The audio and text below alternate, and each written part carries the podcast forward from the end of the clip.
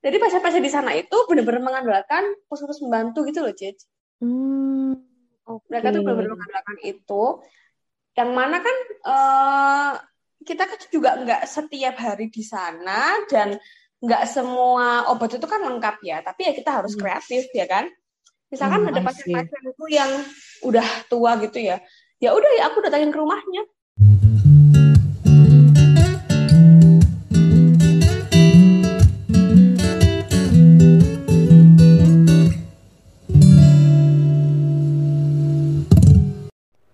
Relatif Perspektif Podcast adalah podcast yang bertujuan menjadi jembatan agar masyarakat luas paham akan isu kesehatan.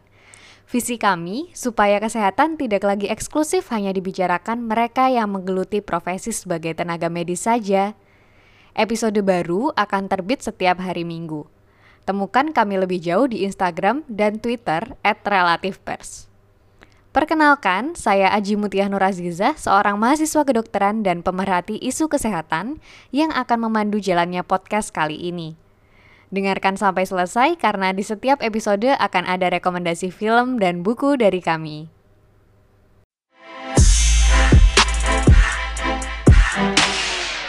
Halo, ketemu lagi di Relatif Perspektif Podcast dan kali ini kita sedang berada di segmen Karir Talks. Wih, segmen baru nih di Relatif Perspektif. Nah, di segmen Karir Talks ini kita bakalan ngobrol-ngobrol seputar karir uh, di kehidupan kedokteran. Nah, kira-kira sebenarnya dokter tuh bisa jadi apa aja sih kayak gitu? Karena kebanyakan kan yang kita tahu dokter tuh ini ya uh, kerja di rumah sakit, terus buka praktek sendiri, kayak gitu kan dokter-dokter yang kita kenal. Nah, sebenarnya dokter tuh luas banget teman-teman. Nah, kita bakalan ngebahas salah satu apa nih jenjang karir kali ya, jenjang karir yang berbeda dari seorang dokter. Nah, kita nanti akan ngobrol dengan salah seorang dokter. Beliau adalah dokter puskesmas di Jawa Timur. Uh, namanya adalah Dokter Nungki Samaha. Oke, kita sapa dulu ya. Halo, Dokter Nungki. Halo Dokter Cica, selamat malam. Halo, malam dok. Gimana dok kabarnya? Alhamdulillah sehat walafiat. Sehat walafiat ya dok ya. Di ya. Jawa Timur aman dok? Kondisi dok? Uh, sejauh ini sih di tempatku belum ada penambahan kasus COVID ya. Semoga aja enggak. aman ya dok ya berarti ya. Ya. Oke, dokter, ini kita mau ngobrol-ngobrol santai aja nih dok. Kayak lo udah lama nggak ketemu, udah lama nggak ngobrol-ngobrol. Dan uh, dokter Nungki ini dulu uh, kakak kelasku nih ceritanya. Nah, dokter Nungki ini dulunya uh, beliau itu juga aktif sekali di kampus. Nah, sekarang ini uh, boleh diceritain nggak dokter Nungki? Sekarang sebenarnya kesibukannya apa sih dok? Uh, sekarang kesibukannya yang paling utama menjadi seorang ibu. Oke, jadi seorang ya, ibu, jadi working mom ya? Ya, working mom uh-uh. dengan satu anak usia 18 bulan yang masih lagi gandol-gandolnya ke mama ya.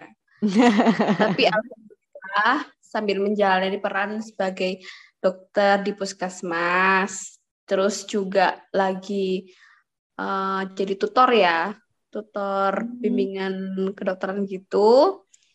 Itu sih kesibukannya. Oh, gak gitu. banyak. Gak sebanyak dokter lah. Waduh, enggak, enggak, enggak. Padahal ini dokter Nungki ini juga orangnya suka ini ya, suka mengeksplor segala macam kegiatan. Dokter Nungki ini berarti uh, di puskesmas ya dok ya, sekarang kesibukannya ya dok ya? Ya, sekarang di puskesmas hari masuk mulai hari Senin sampai Sabtu. Hmm, oke oke oke. Di puskesmas menarik dok. Nah ini kan kita tuh uh, sering taunya tuh seorang dokter akhirnya kerja di rumah sakit atau buka praktek sendiri gitu kan ya dok ya atau di klinik gitu kan. Terus uh, kan jarang banget tuh ya ada dokter yang akhirnya berujung pingin buat menjadi seorang dokter puskesmas gitu. Nah mungkin kalau dari dokter Nuki sendiri gimana sih dok ceritanya awalnya gitu mungkin kayak wah aku pingin nih jadi dokter puskesmas atau kayak ada nggak um, motivasi awal gitu dok yang bikin kepingin nih jadi dokter puskesmas? Justru dulu waktu pendidikan dokter ya, maksudnya waktu preklinik ya, preklinik dulu malah nggak ada kepikiran sama sekali menjadi dokter puskesmas. Soalnya kayak hmm. uh, puskesmas kayak menurutku kayak lingkupnya kecil gitu ya. Oh, yeah, kecil yeah, yeah. gitu. Apakah memberikan impact ya gitu kan. Waktu mikirnya kayak gitu. Idealisme anak kedokteran ya, yeah, mahasiswa kedokteran ya. kan kita kan ketemunya kalau kalau lagi kuliah itu kan ketemu sama spesialis-spesialis ya kan, ya kan. Uh, uh, benar benar. Wah, keren banget. Wah, pengen deh kayak gitu gitu kan. Mm-hmm. Dengan segala apa ya master ya, uh keren-keren nih dokter kita gitu ya master-master mm-hmm. kita satu yang ada kepikiran gitu apalagi kan kita juga jarang banget kan membahas tentang uh, puskesmas maksudnya kalau kesmasnya pasti tapi membahas hmm. bahwa ini loh puskesmas adalah ini itu kan jarang kan ya kan ya, ya, ya betul, pernah betul. sesekali lah tapi kalau kesehatan masyarakat pasti kita dibahas itu kan cuma hmm. kalau kayak ini tuh puskesmas strukturnya gini itu kan cuma ada satu blok kalau nggak salah dulu ya IKM tuh ya.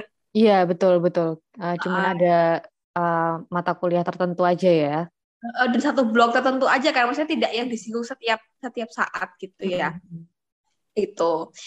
Uh, tapi setelah menjalani koas, terus beralih ke internship, itu justru nggak tahu kenapa kok jadi feelingnya tuh kuat ke situ gitu.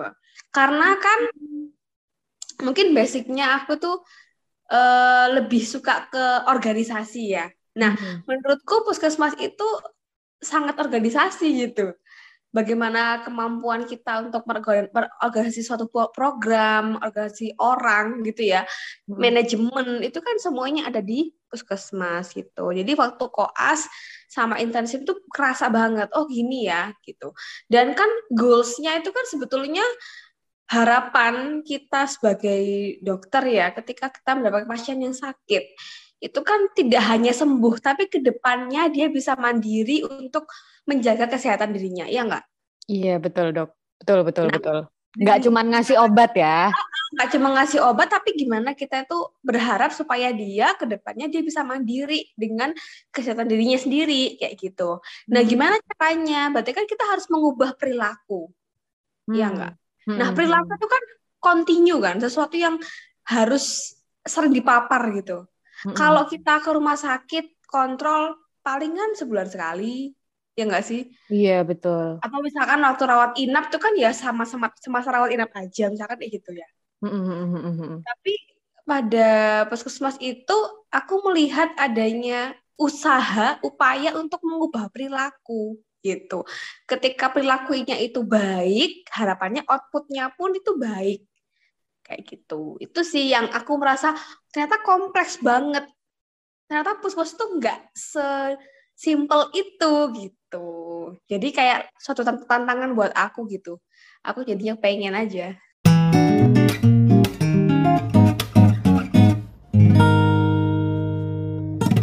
Berarti sebenarnya berangkat dari kemauannya sebenarnya belum ada ya dok ya kalau dari awal dulu waktu pertama kali jadi anak kedokteran terus kepikiran jadi dokter puskesmas tuh nggak ada sama sekali ya dok ya justru ya. Uh. Okay. Karena waktu waktu koas kan kalau koas tuh kan kita bener-bener masuk dalam stase itu gak sih Cic kan mm -hmm. kayak masuk terus kita kayak uh, di dalamnya menikah kan. Nah kita tuh aku sih alhamdulillahnya pas aku koas dan isip itu aku dapat puskesmas yang bener-bener apa ya bener-bener melibatkan kita gitu loh. Hmm, jadi waktu itu kayak benar-benar kerasa kerjanya gitu ya dok ya waktu. Iya, jadi kayak kerasa oh ini toh kerjaan puskesmas itu banyak banget. Hmm. Ya hmm, hmm. pun PR-nya tuh banyak banget gitu. Dan mereka memang nggak cuman kita kan kalau kalau kita ke puskesmas ya nggak sih kita kalau ke puskesmas kan cuma taunya Hah, di poli udah paling juga di poli doang. Iya Iya, sih? iya, kayak oh ya udah orang cuman berobat masuk ke poli oh, gitu ya. Gue masuk poli terus pulang. Padahal enggak kayak gitu. Padahal sebetulnya banyak banget kerjaan kita itu di puskesmas. Hmm. Mulai program, manajemen, ih banyak banget kalau itu karena kan kita berhubungan dengan masyarakat ya. Nah masyarakat itu siapa sih? Masyarakat itu kan juga melibatkan lintas sektor ya kan? Jadi mm-hmm. banyak urusannya gitu. Nggak segampang itu. Kayak mau mau pengen uh, pengen angka TBC turun. Mm-hmm. Nggak segampang itu gitu. Kita berhubungan dengan perilaku masyarakatnya, pengetahuan, akses, ya nggak sih? Mm-hmm. Tuh, jadi ya banyak banget PR yang harus kita kerjakan kayak gitu. Ini tadi aku barusan pulang habis screening TBC di pesantren karena ada satu yang kontak positif, jadi aku ke sana untuk screening semuanya. Wow, jadi sebenarnya pekerjaannya justru nggak simple kayak yang kita lihat puskesmas itu lingkupnya kecil gitu ya dok ya? Ah, betul banget, hmm. banyak banget pekerjaannya sih. Hmm, hmm. Menarik Karena, dok. Kembali lagi ya, promotif hmm. preventif kan. Jadi sebetulnya gini konsepnya, hmm. Semakin banyak orang yang sakit ke puskesmas, itu berarti harus dievaluasi. Gimana nih promotif preventifnya? Hmm. Jalan nggak sih? Kan nggak gitu ya. Sampai kayak misalkan hipertensi itu, itu nggak cuma dilihat kita mengobati aja, tapi nyampe nggak targetnya terapinya. Kayak gitu. Kalau emang nggak nyampe ya berarti harus dirujuk. Kayak gitu ya kan. Terus di puskesmas itu kan uh, kita serba terbatas ya Cici ya. Mm-hmm. Pengobatan terbatas, ya nggak sih? Peralatan pun terbatas gitu ya. Jadi kita benar-benar mengandalkan anamnesis, pemeriksaan fisik, dan penunjang yang sangat sederhana gitu untuk menentukan suatu, suatu penyakit gitu. Apalagi kalau apa namanya kita harus apa ya berkata kita harus kreatif gitu kan kreatif gimana caranya memanfaatkan yang ada sumber daya yang ada untuk memaksimalkan pelayanan kita pada pasien kayak gitu. Hmm, hmm, hmm. Jadi benar-benar kayak garda terdepannya itu ya harus di puskesmas itu ya dok ya Betul. yang dengan sarana seminimal mungkin gitu ya kalau misalkan kita boleh bilang tapi Sangat.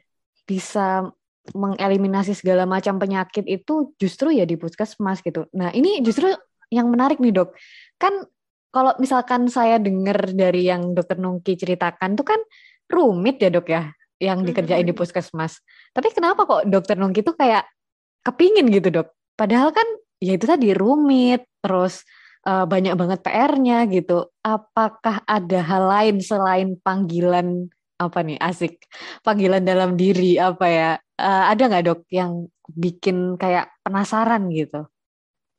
Nggak tahu ya, challenging aja. challenging ya. Iya, karena gini, aku kayak waktu itu kan uh, di oh iya, kalau puskesmas itu kan kita punya wilayah-wilayah kerja ya. Mm -hmm. Jadi kita tuh harus menguasai wilayah kerja kita gitu loh. Nah, aku tuh kebetulan pegang satu wilayah hmm. yang itu paling ujung dekat gunung.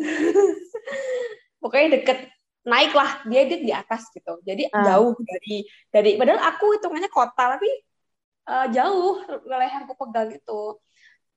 Jadi pasien-pasien di sana itu benar-benar mengandalkan puskesmas membantu gitu loh, Cic.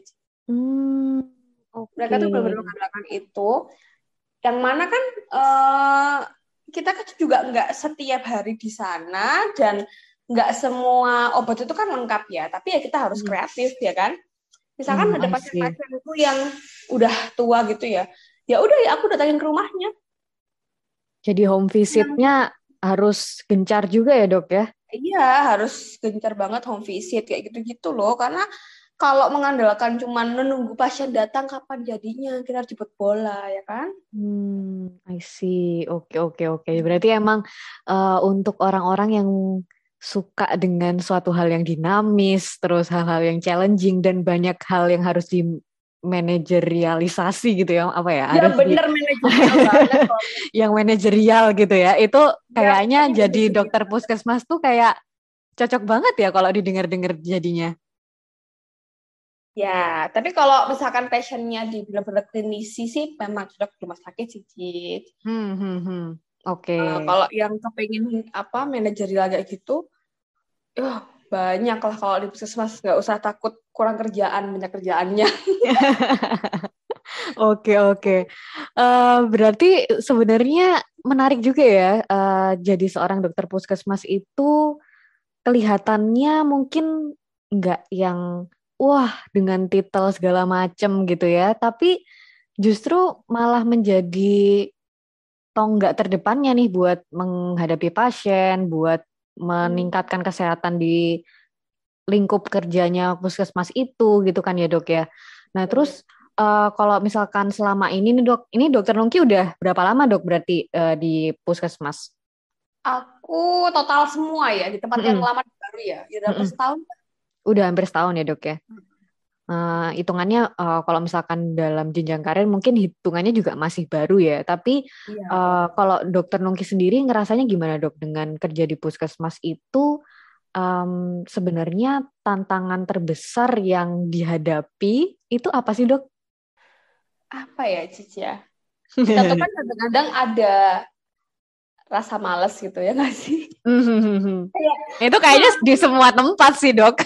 oh, kadang-kadang kalau pas lagi mager banget gitu ya ampun. Ini tapi aku harus kunjungan karena kan aku harus ini misalkan apa gitu ya. Kita kadang-kadang sih kayak kayak kayak gitu. Tapi kan ya nggak bisa. Kalau di puskesmas itu harus turun langsung. Hmm, gitu. iya iya kita harus ya, dapat ya. data. Kita harus dapat ini angka ya kan hmm. kalau kayak gitu kan kita nggak bisa merumuskan. Kita mau menindak apa nih? Kita mau bikin program apa nih? Kayak gitu hmm. berarti kesehariannya tuh sebenarnya kayak gitu ya dok ya?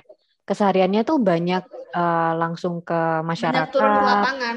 Nah, hmm. banyak turun ke masyarakat. Sampai aku tuh uh, orang-orang itu tahu kan aku tuh dokter. Tuh mak lansia-lansia itu hmm. kalau panggil aku tuh udah bukan dok lagi. Gimana dok manggilnya berarti? Manggilnya dok gitu. Oh. Iya dok gitu ya Allah dok atur nuwun ya dok gitu. Terus karena... enak lagi karena kan masyarakatku apalagi masyarakat itu kan agak pedalaman ya. Hmm.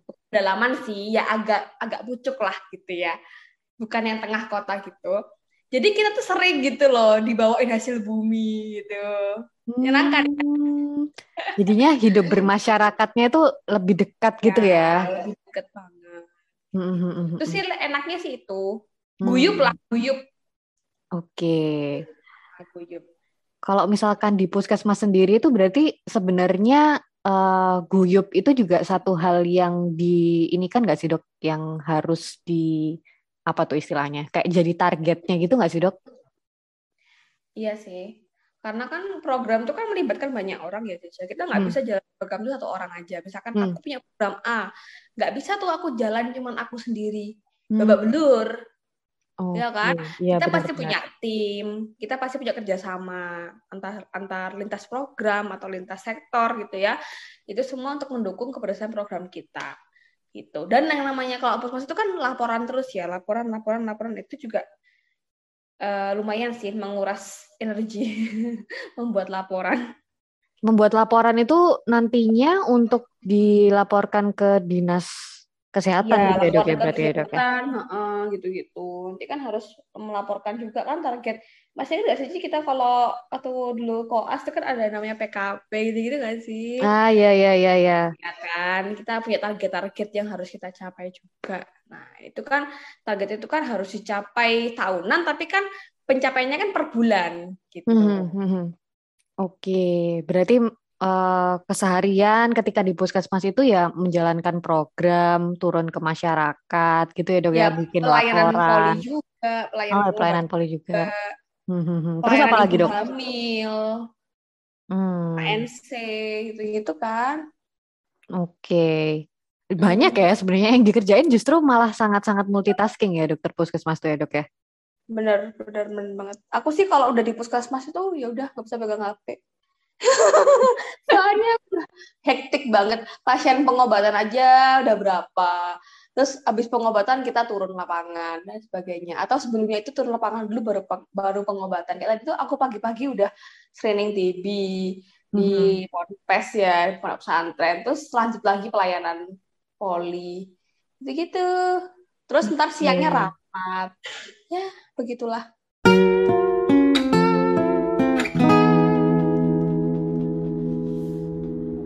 Menarik sih ya.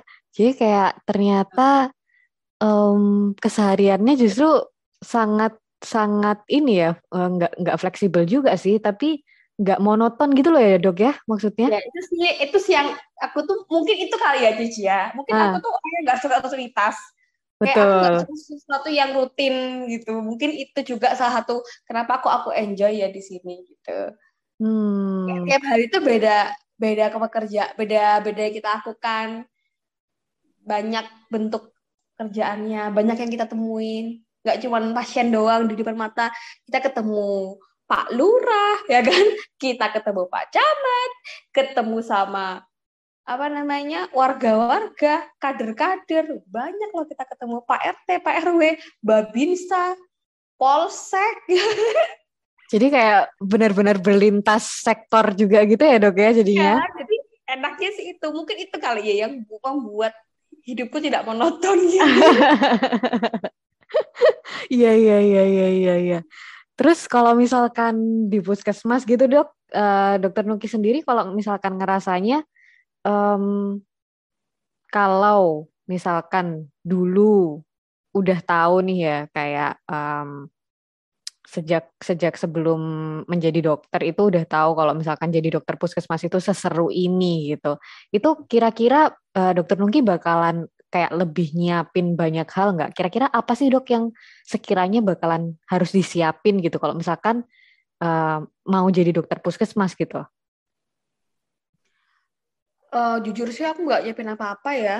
Hmm. Aku hanya menyiapkan tekad aja. WC. WC, mantap. Enggak, karena kan kita kan udah menjalani yang namanya koas internship ya. Mm -hmm. Yang mana itu tuh kita kan juga udah terjun terjun langsung untuk uh, kerja ya. Kalau aku sih ngerasa gitu sih. Hmm. Karena dulu waktu aku isi pun tuh udah ya itu dokter, ya udah melakukan program kayak gitu-gitu. Jadi berdasarkan pengalaman itu sih aku merasanya kayaknya lebih siap sih aku. Karena udah pernah gitu. Ya. Cuma ya oh, kalau okay. masalah yang lain kayak tentang program, tentang manajemen puskesmas itu sambil jalan sih bisa kok Hmm, hmm, hmm, hmm, Jadi jalan. sambil jalan dari... itu ya sambil uh, belajar sama temen, rekan, partner hmm. gitu itu bisa. Dari pengalaman ya dok ya berarti ya. Hmm. Untungnya sih ada koas dan internship gitu ya. Oke, mungkin ini ya dok. Uh, kalau misalkan internship itu karena ada rotasi puskesmas itu juga kita juga sempat beberapa bulan di sana, jadinya jadi tahu juga gitu ya dok ya. Iya benar. Hmm. Ya tadi mungkin kan mungkin gini, kalau aku waktu itu ditempatkan di puskesmas yang nggak kayak yang aku tempatin dulu, mungkin nggak tahu lagi ya gimana pemikiran terhadap puskesmas. Tapi hmm. nggak hmm. tahu kenapa koas dan intensif itu seperti menggiring aku gitu loh. Oke. Okay. come here, come here gitu. Boleh diceritain nggak sih dok kayak um, apa tuh yang uh, mungkin ada satu kegiatan yang benar-benar bikin dokter Nungki akhirnya wah kayaknya aku bakalan jadi dokter puskesmas deh kalau gini gitu waktu koas atau internship gitu dok mungkin dok uh, kalau koas tuh aku inget banget waktu kegiatan prolanis ya jadi itu kayak uh, screening orang-orang yang punya hipertensi dan diabetes gitu kan. Mm. terus harapannya kan mereka bisa terkontrol gitu ya melalui ada senamnya ada cek ini cek rutin gitu-gitu. Itu itu juga seru sih waktu itu. Kita ikut senam kita ikut ini. Aku seru banget ya gitu. Waktu itu. Iya iya ya, ya. itu sih aku juga dilibatkan dalam aku yang ngasih materi penyuluhannya untuk mereka gitu-gitu seru seru banget kita disuruh bikin leaflet sendiri itu kayak ya ampun seru banget ya aku sih dulu saya merasanya seru. Oke, berarti emang passionnya di situ ya dok ya? Iya, jadi kayaknya tuh disuruh berkreasi gitu loh. Oh, bikin bikin lift, terus kita penyuluhan ke mereka gini-gini. Oh gitu. Jadi kayak kita benar-benar nyiapin sendiri itu tiap pagi tuh kita penyuluhan. Terus kita tuh kayak di tempatin ke pustu-pustu gitu. Kita kayak megang pustu itu. Terus kita ngelaporkan kayak ada masalah apa ya? Terus kira-kira apa ya dok penyelesaiannya gini-gini. Rasanya kayak hmm, so sweet gitu. Jadi kayak uh, person in charge gitu ya dok ya? Iya kayak oh kita dipercaya nih untuk mencari masalah dalam uh, masalah dalam dalam wilayah itu misalkan gitu ya. Mm-hmm. terus atau internship itu yang lebih seru lagi jadi waktu itu tuh kita kayak uh, aku sih banyak dilibatkan di KIA ya. Jadi ada namanya tuh kelas ibu hamil ya. Jadi tuh satu bulan tuh ada beberapa pekan itu loh. Jadi kalau pekan pertama itu kayak ANC terpadunya. Mm. Pekan kedua tuh kayak kelas ibu hamilnya. Yang pertama, yang minggu pertama itu eh kelas ibu hamil yang pertama itu dia lebih ke kayak materi-materi gitu. Materi-materi tentang bagaimana sih persiapan kehamilan semester pertama kedua dan sebagainya gitu ya. Mm-hmm. terus yang ke minggu kedua itu lebih ke kayak senam hamil terus kayak kelas laktasi gitu-gitu loh. Kayak seru banget. Bener-bener mempersiapkan dari dari mulai prakonsepsi sampai dia lahir. Gimana caranya anak lahir tuh bisa dapat akses asi eksklusif gitu-gitu loh. Hmm, Seru kan? Oke, okay, oke. Okay. Jadi kayak upaya kesehatannya itu benar-benar dari awal holistik gitu ya, Dok ya. gitu loh. Nah, asik. Konsep holistik komprehensifnya dapat ya, Dok ya? Ya gitu. atau atau ASI ya, udah ASI nih. Selesai kan MP ASI. Kita tuh uh. kayak ada demo masak gitu loh di Posyandu. Oh. Itu itu itu ide kita sih. Ide ide anak-anak ISIP. Jadi kita tuh kayak dok gimana kalau kita kalau kan ada kan namanya pemberian PMT mm -hmm. pemberian makanan tambahan ya dok ya Habisnya kalau maksudnya kan dikasih PMT tuh kalau pulang mm -hmm. nah kita kan tuh kayak punya inovasi gitu loh aku sama temanku dok gimana kalau apa namanya PMT-nya itu jangan jangan itu itu mulu gitu tapi dikreasikan sesuai dengan uh, di kota itu tuh apa sih yang khas? Misalkan banyak kelor ya ya udah itu kita bikin lah apa namanya kayak kue apa sih tapi dari daun kelor gitu loh cis. Kayak talam hmm. gitu tapi dari daun kelor. Dan itu tuh nggak cuma ngasih doang tapi kita demoin masaknya. Jadi mereka tuh ibu-ibu tuh nggak cuma terima terus pulang tapi mereka tuh bisa terinspirasi membuat kudapan-kudapan yang sehat buat anaknya cara masak MPASI yang benar gitu-gitu loh Hmm, Jadi mereka tuh pulang ya. tuh tidak hanya membawa produk, tapi membawa ilmu yang bisa mereka terapkan juga pas pulang. Gitu. Oke, okay. ini justru uh, jadi ini ya dok ya. Tadi kan dokter Nungki bilang kalau uh, waktu kuliah dulu ngelihatnya puskesmas itu impactnya kecil gitu. Padahal ternyata wah gila sih. Kalau dengar ceritanya dokter Nungki tadi kayak impactnya itu mungkin gede banget ya dok ya. Uh, mungkin mungkin impactnya bukan yang langsung banyak orang dalam waktu yang singkat. Hmm. Tapi hmm, kita hmm. tuh berubah perilaku. Kan kalau perilaku itu kan butuh hal yang kontinu, jangka panjang, kayak gitu loh. Dan okay. impact itu nggak sekarang, mungkin baru 10 tahun lagi. Anaknya setelah besar, anaknya nggak stunting, misalkan kayak gitu misalnya. Itu kan? Hmm, menarik, menarik. Iya sih dok ya. Jadi um, kita nggak bisa tuh cuman ngelihat oh dokter puskesmas kerjaannya cuma kayak gitu doang. Padahal ternyata banyak sekali inovasi yang dibuat sama dokter puskesmas yang itu bisa sangat bermanfaat buat masyarakat gitu ya dok ya? Betul, betul banget. Dan bisa sesuai juga dengan nilai-nilai yang ada di masyarakat daerah situ, kayak gitu-gitu ya dok ya? Uh, kayak gitu. Betul Terus um, jadi uh, kalau misalkan di iniin dok tadi kan dokter Nungki juga sempat bahas ya kalau uh, dulu ketika di kuliah itu sering aktif di organisasi kayak gitu-gitu. Berarti uh, kemampuan organisasi itu yang akhirnya juga bawa apa ya nilai tambahan gitu ya dok ya waktu di kerja di puskesmas ini itu sangat membantu nggak sih dok sebenarnya? Membantu banget sih, apalagi kemampuan manajemen ya. Manajemen tuh kan nggak cuman barang, nggak cuman uang, tapi kan juga manajemen orang ya. Hmm, hmm, hmm. Boleh diceritain jadi, mungkin dok, dulu dokter Nungki uh, sibuknya apa sih dok waktu jadi mahasiswa asik? memalukan. Gak memalukan dong dok, gimana dok? Dulu, dulu itu di BEM Universitas. Wih, mantap. Oke. Okay. Ketua, bukan ketuanya, wakil doang. Tapi tingkat universitas ya dok ya. Terus terus dok? Iya. Terus uh, dulu pernah di SMKI juga. Hmm. Terus di BEM Fakultas juga pernah. Lu jadi ketua ospek gak sih aku, Cis? Iya, iya, iya. Dulu ketua ospek ketua ospek waktu aku masih jadi mahasiswa baru nih Bandung gini. iya kayak gitu. Okay. itu bermanfaat banget sih untuk ini manajemen manajemen pada saat kita kerja ya. Karena kan mau nggak mau kita tuh kan kerja sama orang. Mm-hmm. kerja sama orang itu kan kita harus pinter uh, mengetahui kemampuan orang gitu. Kita juga harus pinter sebagai kita leader ya. Mau nggak mau dokter tuh kan leader. Gimana gimana pun tuh kan pasti leader itu dokter ya nggak sih? Iya iya, apalagi di konsep five star Mas, dokter itu ya dok ya, ya yang leader, jadi community leader. Uh, uh, gitu-gitu kan, manager gitu kan kita. Mm-hmm. Nah itu juga dengan kita tuh sering organisasi, kita akan terbiasa untuk melihat mem bisa memetakan kemampuan orang.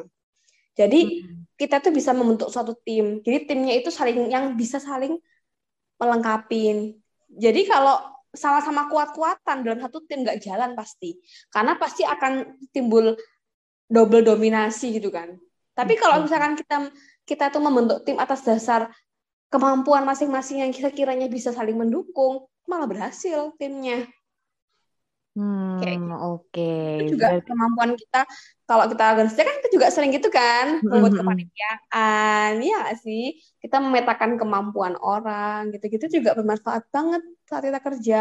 Gak cuma di puskesmas sih kalau itu kayaknya di semuanya itu pasti kepake sih. Pasti kepake ya dok ya. Jadi uh, uh. Uh, gimana kita dulunya sering berkarya gitu ya ternyata kepake juga di mana pun even di sebagai iya. dokter puskesmas gitu ya ya sama manajemen waktu sih menurutku hmm. karena kalau kita itu dari dari dari zaman kita kuliah itu terbiasa untuk banyak kegiatan kita kan otomatis akan terbiasa untuk membuat skala prioritas ya nggak sih hmm, hmm, hmm, Nah, itu juga bermanfaat banget saat kita kerja, karena mau nggak mau, namanya seorang dokter tuh pasti banyak banget diamanahi sesuatu. Udah pasti. Hmm. Nah, kemampuan kemampuan kita gimana caranya? Kita bisa manage itu dengan cara tadi itu membuat skala prioritas. Pasti hmm. ada bisa kok. Kalau udah sering kayak gitu ya nggak sih? Setuju, setuju dok. Benar-benar.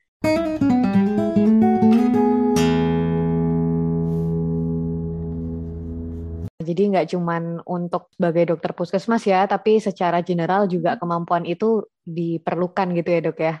Iya diperlukan banget uh -huh. supaya pekerjaan itu nggak banyak apa ya nggak banyak yang ter apa ya namanya yang numpuk-numpuk gitu ya? Numpuk-numpuk gitu, jadi sama-sama selesai semua. Meskipun kayak itu berat banget ya, kayak banyak banget kerjaan, tapi karena kita terbiasa untuk manajemen waktu ya. Jadi kayak sat sat buat buat selesai. Oke, mantap. Sat sat buat buat benar banget.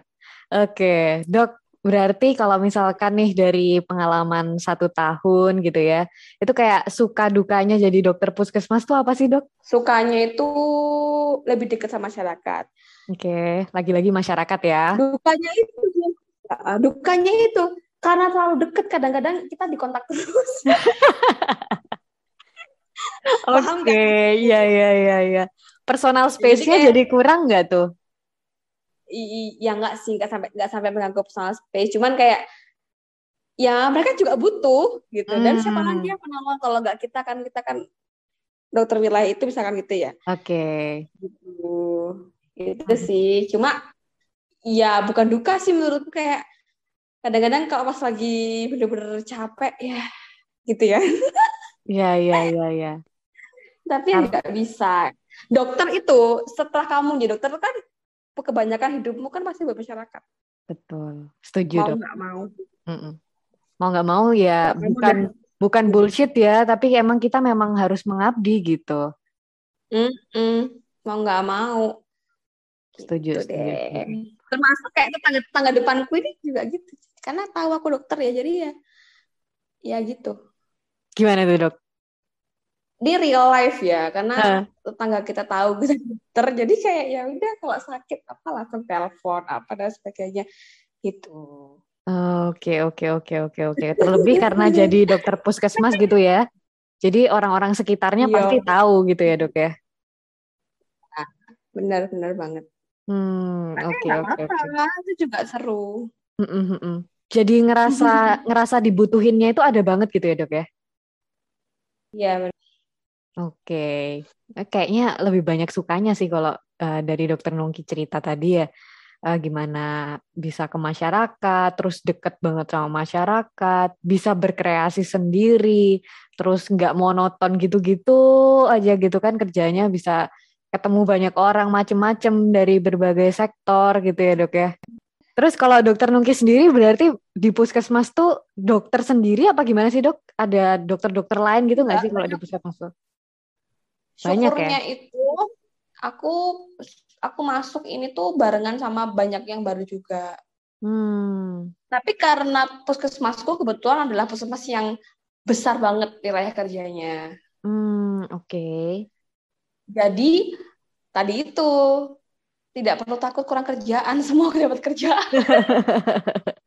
iya iya iya iya iya. Semua dapat kerjaan dan pemegang program itu kan memang by name ya, Cid. Jadi pegang program apa, misalkan si A PJ-nya program TB, misalkan si B PJ-nya program PPI, si B program apa, semua pasti kebagian program, nggak mungkin enggak. Malah double-double program. Satu hmm. orang tuh bisa pegang dua program, tiga program, udah biasa kalau di puskesmas. Oke, jadinya kayak punya program-program kerja yang harus dilaksanakan itu ya dok ya? Betul sekali. Oke, dan sebagai seorang Dari dokter itu pasti jadi penanggung jawabnya ya dok ya? Uh, nggak selalu dokter sih, yang lain pun bisa jadi penanggung jawab. Hmm. Tapi nggak mungkin dokter nggak pegang program. Jadi iya. dokter tuh pasti kebagian program, cuma tidak harus semua dokter. Oh gitu. Tapi nggak okay. mungkin dokter tuh menganggur ya, di garis bawahin. jadi jangan khawatir ya kalau jadi dokter puskesmas pasti kerjaannya banyak ya. Pasti. Tenang okay. aja. Kalau kalau kurang kerjaan minta aja pasti dikasih. Tapi ya siapa yang minta pekerjaan udah banyak pekerjaan. Terus kalau dokter Nungki sendiri kan tadi juga katanya sebagai ini ya seorang ibu gitu dok. Kalau misalkan nih uh, kita ngobrolin juga sebagai perempuan gitu kan. Kalau sebagai dokter ya. terus perempuan terus dianggapnya udah bekerja kayak gitu, uh, ada kesulitan nggak sih dok antara work life balance-nya itu sebagai dokter puskesmas?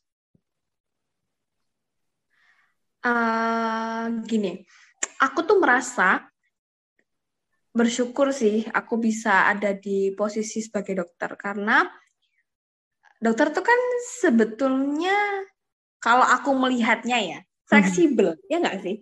Iya Kayak, sih. Kamu mau mau berkarir sekarang ataukah nanti karena kita kan profesi kita tuh punya lisensi kan jadi kayak hmm. mau kapan kita mau kerja kapan itu ya terserah yang penting tidak melebihi masamu berlaku lisensi itu ya nggak sih?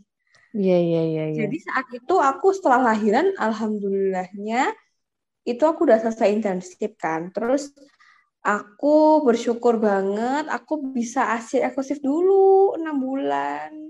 Hmm, oke. Okay. Jadi setelah enam bulan, itu baru aku mulai kembali lagi berkarir gitu-gitu loh. Jadi karena mungkin posisiku saat itu pekerjaan yang fleksibel ya, jadi aku bisa benar-benar fokus gitu enam bulan aku akses mendampingi anak ya. Hmm, gitu. Dan itu kan kayak apa ya fondasi banget gak sih stimulasi mm-hmm. nutrisi itu kan kayak awal-awal tuh kan benar-benar penting banget ya itu jadi itu sih aku senengnya. Sehingga sekarang itu aku nggak kesulitan sih. Kayak meskipun dia sekarang kan anakku aku taruh di penitipan anak ya. Daycare hmm. kayak semi preschool gitu. Itu juga gitu. Jadi gurunya pun nggak begitu yang susah gitu loh stimulasinya. Hmm, oke okay, okay. aja. Mm -mm. itu tapi nggak tahu lagi ya kalau aku udah anak kedua polisi aku udah kerja itu aku juga ntar aku pikirin lagi ya Iya, oke okay, oke, okay, Dok. Berarti uh, sih kayak gitu. Uh, tapi kalau sekarang sebagai dokter puskesmas dengan uh, ada anak pun itu juga ya enak-enak aja ya dok ya, maksudnya bisa balance aja gitu ya. Enak-enak aja sih. Oke. Okay. Enggak yang gimana gitu. Aku tuh masa gini, sih. Aku aku tuh kan seorang working mom ya. Jadi ketika aku tuh udah menitipkan anakku ke aku udah nitip nih ke gurunya gitu ya. Mm-hmm. ketika aku tuh bener-bener melepaskan maksudnya aku bener-bener ikhlas let go legowo itu nggak tahu kenapa di daycare tuh dia ya makannya makannya juga habis nggak rewel tidurnya cukup gitu loh. Hmm ya ya ya. Karena Semakin mungkin ada keterikatan ibu dan anak itu ya dok ya mungkin ya aku juga nggak paham ya nggak betul tuh setiap setiap semakin tak pikir misalkan duh gimana ya anakku di daycare itu pasti ada apa-apa entah yang tidurnya jadi gelisah apa gimana gitu Hmm, oke, okay, oke. Aku tuh, aku tuh, aku harus kayak kamu pernah bilang ke aku itu loh, Cis, kayak kita harus mindful terhadap apa yang kita lakukan. Jadi kalau aku udah menitipkan anakku, ya aku harus mindful untuk bekerja. Kalau aku udah pulang, aku harus mindful untuk anakku, gitu. Oke, mantap. Berarti mindful ketika kerja, mindful ketika bersama anak, itu jadi kunci juga ya buat work life balance itu ya, Dok ya? Ah, bener banget. Oke. Makanya aku yeah, tuh iya, gini, yeah, aku tuh mendingan pekerjaan nggak selesai di puskesmas. Jadi aku tuh mendingan bener-bener nggak nggak berhenti kerja sampai jam pulang supaya aku tuh pulang nggak bawa kerjaan. Hmm, ketika di rumah sudah di rumah gitu ya dok ya. Ketika di puskesmas ya udah kerja gitu. Betul. Jadi ya udah aku puskesmas bawa, bawa laptop ini pokoknya aku kerjain semua di puskesmas pulang tuh aku tinggal sama anakku tambah sama suamiku gitu ya kan. Oke, waktunya family time gitu ya. Betul sekali. Oke, siap-siap dok. Waduh, ini kayak benar-benar um, buat aku sendiri juga apa ya cukup membuka wawasan sih karena aku sendiri juga jujur nggak ada kepikiran dok kalau misalkan harus melanjutkan karir di dunia puskesmas atau di kesehatan masyarakat gitu nantinya. Nah mungkin nih dok, ada nggak sih dok um, pesan-pesan yang mau disampaikan buat pendengar relatif perspektif nih kemungkin kebanyakan uh, ada juga calon-calon dokter atau teman-teman sejawat dokter juga yang masih bingung nih uh, bisa nggak ya aku jadi dokter puskesmas? Kayak gitu. Uh, ada nggak dok pesan-pesan yang mau disampaikan kayak apa aja sih tips dan triknya gitu mungkin untuk jadi seorang dokter puskesmas? Kalau tips dan trik sih nggak ada yang spesifik ya. Hmm. Intinya itu uh, kemauan kita aja gitu. Kalau aku tuh mungkin di posisi yang aku sudah sebagai dokter umum ya, beda lagi ya. Kalau aku kalau misalkan aku dokter spesialis, mungkin kita beda mindset ya. Hmm. Tapi aku sebagai dokter umum karena kita itu didoktrin ya, ya enggak sih? Bukan doktrin sih, bukan doktrin, cuman kayak ditanamkan banget, benar-benar ditanamkan banget bahwa dokter itu kan selain kita tuh ngobatin, kita harus benar-benar melihat lagi, memperjuangkan lagi promotif preventif. Kan kayak gitu ya. Betul. Nah, itu promotif preventif itu itu enggak simple. Itu kita harus banyak pikirkan dari mulai faktor ekonomi pasiennya, faktor akses sumber daya, sana prasarana kita, terus uh, faktor sosial budayanya pasien. Itu banyak-banyak banget kayak apa ya kental banget itu loh Cis. Nah itu tuh perlu kemauan kita untuk bisa menganalisis kayak hmm. gitu. Jadi lebih ke kemampuan analisis sih. Jadi gimana caranya kita menganalisis suatu masalah dan mencari apa nih kira-kira cara-caranya, plan A, plan B, plan C-nya kita mau ngapain nih sama problem ini kayak gitu. Jadi itu sih kalau dari puskesmas lebih ke situnya. Karena tadi itu goalsnya adalah mengubah perilaku supaya nanti terciptalah masyarakat yang mandiri dan sehat.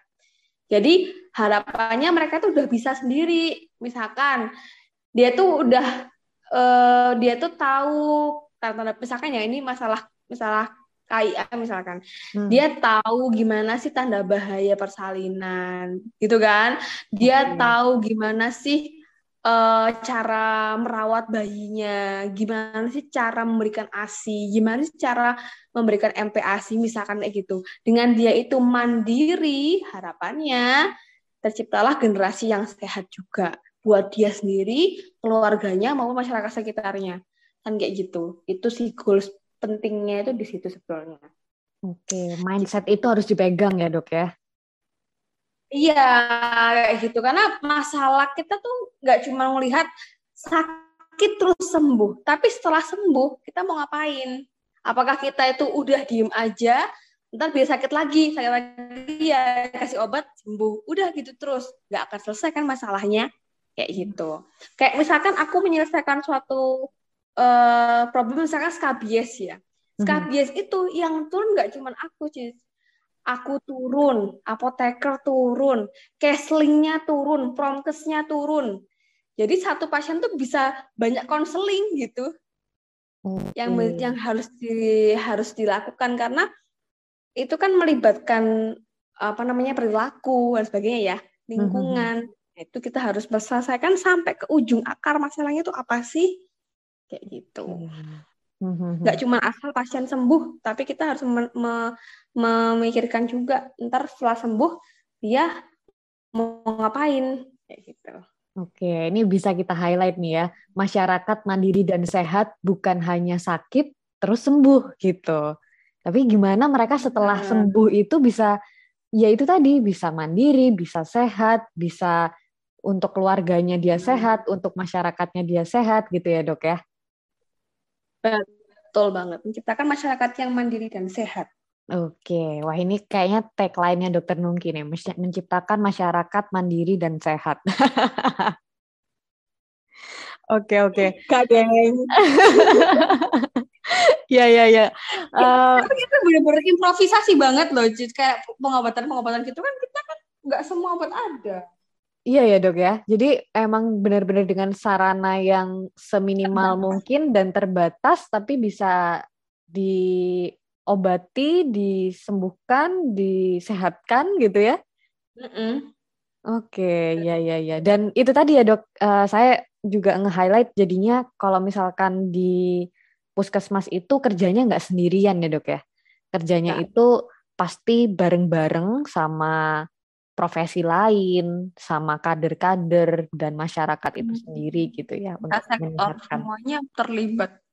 Hmm, hmm, Jadi nggak bisa uh, main kayak oh ya udah aku aja yang ngobatin gitu. Eh, tidak menyelesaikan masalah ya dok ya? Tidak masalah. misalkan ya kayak misalkan ada pasien tuh skabies datang, uh. itu kan aku terapi tuh. Tapi kan aku punya PR tuh. Aku minta tolong sama kadernya untuk menghubungi keluarganya. Ayo kalau aksesnya bisa, yuk sini berobat semuanya. Satu diobatin keluarga obatin percuma kan? Betul betul. Akhirnya ya muter aja ya dok ya gitu. Perbaikan juga lingkungan rumahnya, kebiasaan perilaku dia untuk membersihkan tempat tidur gimana, hmm. gimana setelah dia pengobatan tuh mau nggak sih dia tuh merebus, merebus, merendam air panas itu semua spray dan sebagainya. Itu kan kita harus sampai ke sana kan, karena kan harus sampai tuntas gitu. Itu PR yang banyak. Oke. Okay. Itu ya, cuma ya. KBS doang ya, ini belum yang lain lainnya dan penyakit di masyarakat kita itu banyak banget ya dok ya mulai dari yang tidak menular dan yang menular itu masih menjamur di Indonesia. Iya banyak banget. Itu okay. itu sih anaknya di puskesmas itu.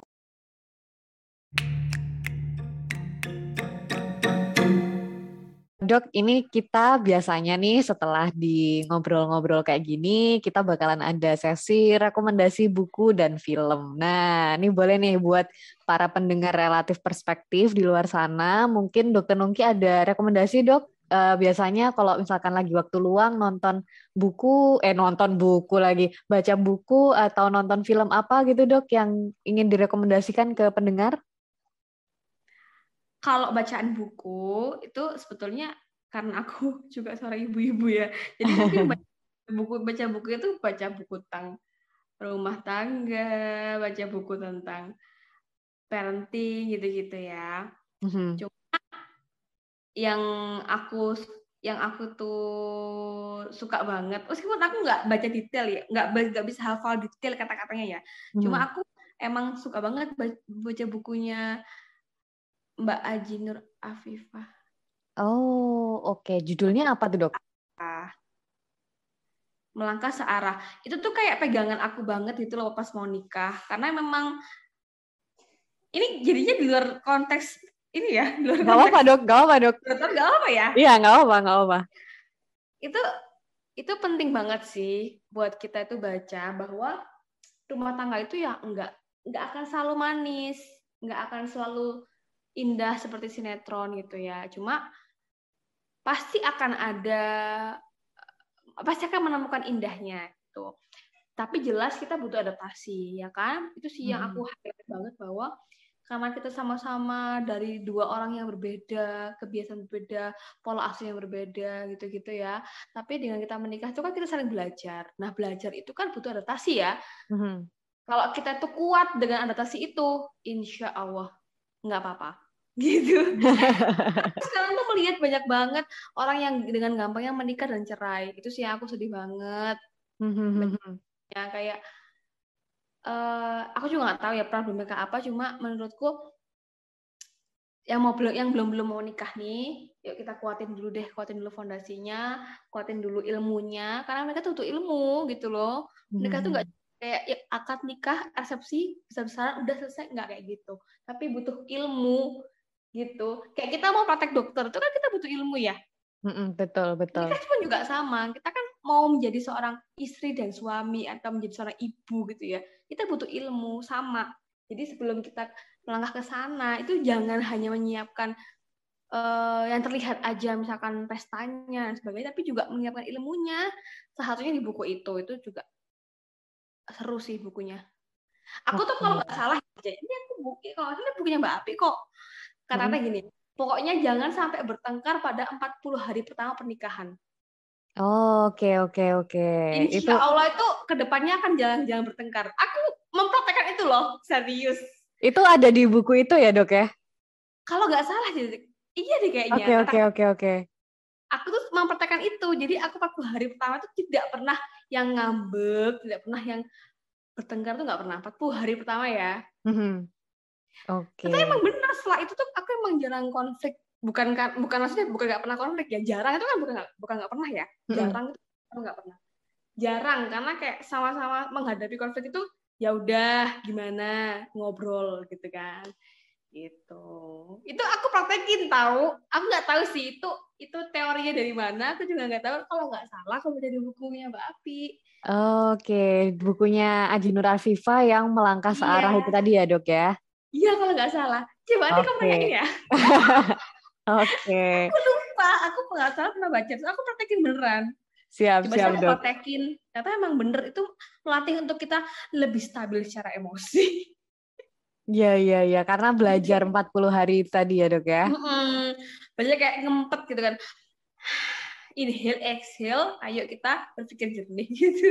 Oke mantap nih. Ini rekomendasi untuk uh, buat yang sudah menikah maupun belum menikah. Itu tadi ya ada uh, buku uh, judulnya judulnya melangkah searah dari Aji Nur Afifa terus kalau misalkan film nih dok mungkin apa dok? Uh, film itu itu loh. Film lucu. Film yang baru Netflix. Apa tuh dok The Royal Treatment. Jadi dia tuh ceritanya tentang uh, penata rambut yang mm -hmm. rambutnya seorang pangeran gitu. Eh, filmku tuh emang acara gitu loh. Gak apa-apa dong, Dok. Jadi seru.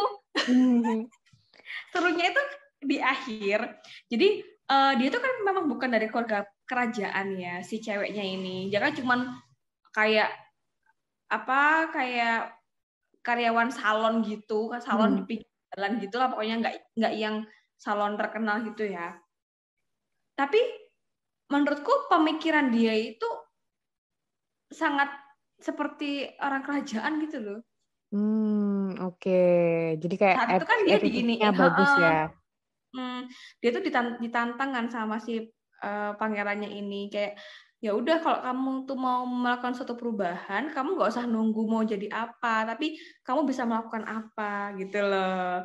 Terus akhirnya dia itu kan menemukan kawasan kumuh gitu di suatu kerajaan itu hmm. ada kawasan kumuh yang nggak terekspos. Tapi bener-bener kekurangan gitu loh. Kayak sekolah-sekolah juga jelek gitu ya maksudnya sekolah itu kayak nggak banyak kursi gitu-gitu loh. Jadi kayak kurang banget sarprasnya gitu. Hmm. akhirnya dia itu bikin kayak flyer gitu diumumin ke semua penjuru kota untuk mengumpulkan barang-barang yang mereka punya. Misalkan kayak mainan atau enggak kursi apa yang mereka punya dikumpulkan di gerbangnya istana. Di kayak di pos satpam gitu.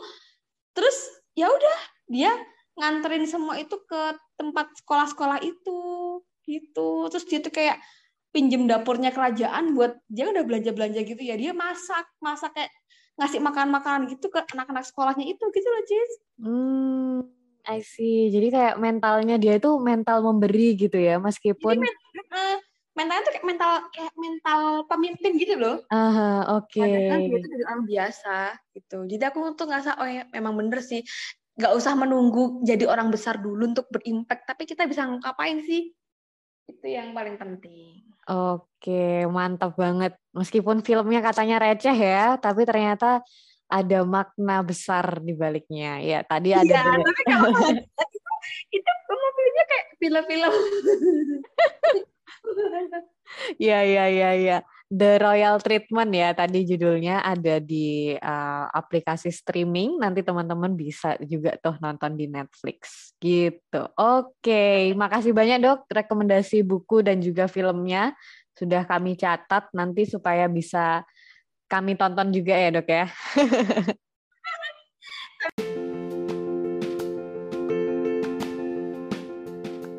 Jangan lupa, kalau kalian suka dengan episode podcast ini, follow podcast kami dan share ke teman-teman kalian yang lain, supaya mereka juga bisa mendapatkan manfaat seperti yang kalian juga dapatkan. Jangan lupa juga untuk follow Twitter dan Instagram kami di @relativepers. Di sana kalian akan mendapatkan banyak informasi kesehatan dan untuk update tentang podcast serta artikel terbaru kami. Sampai ketemu di episode berikutnya. Bye.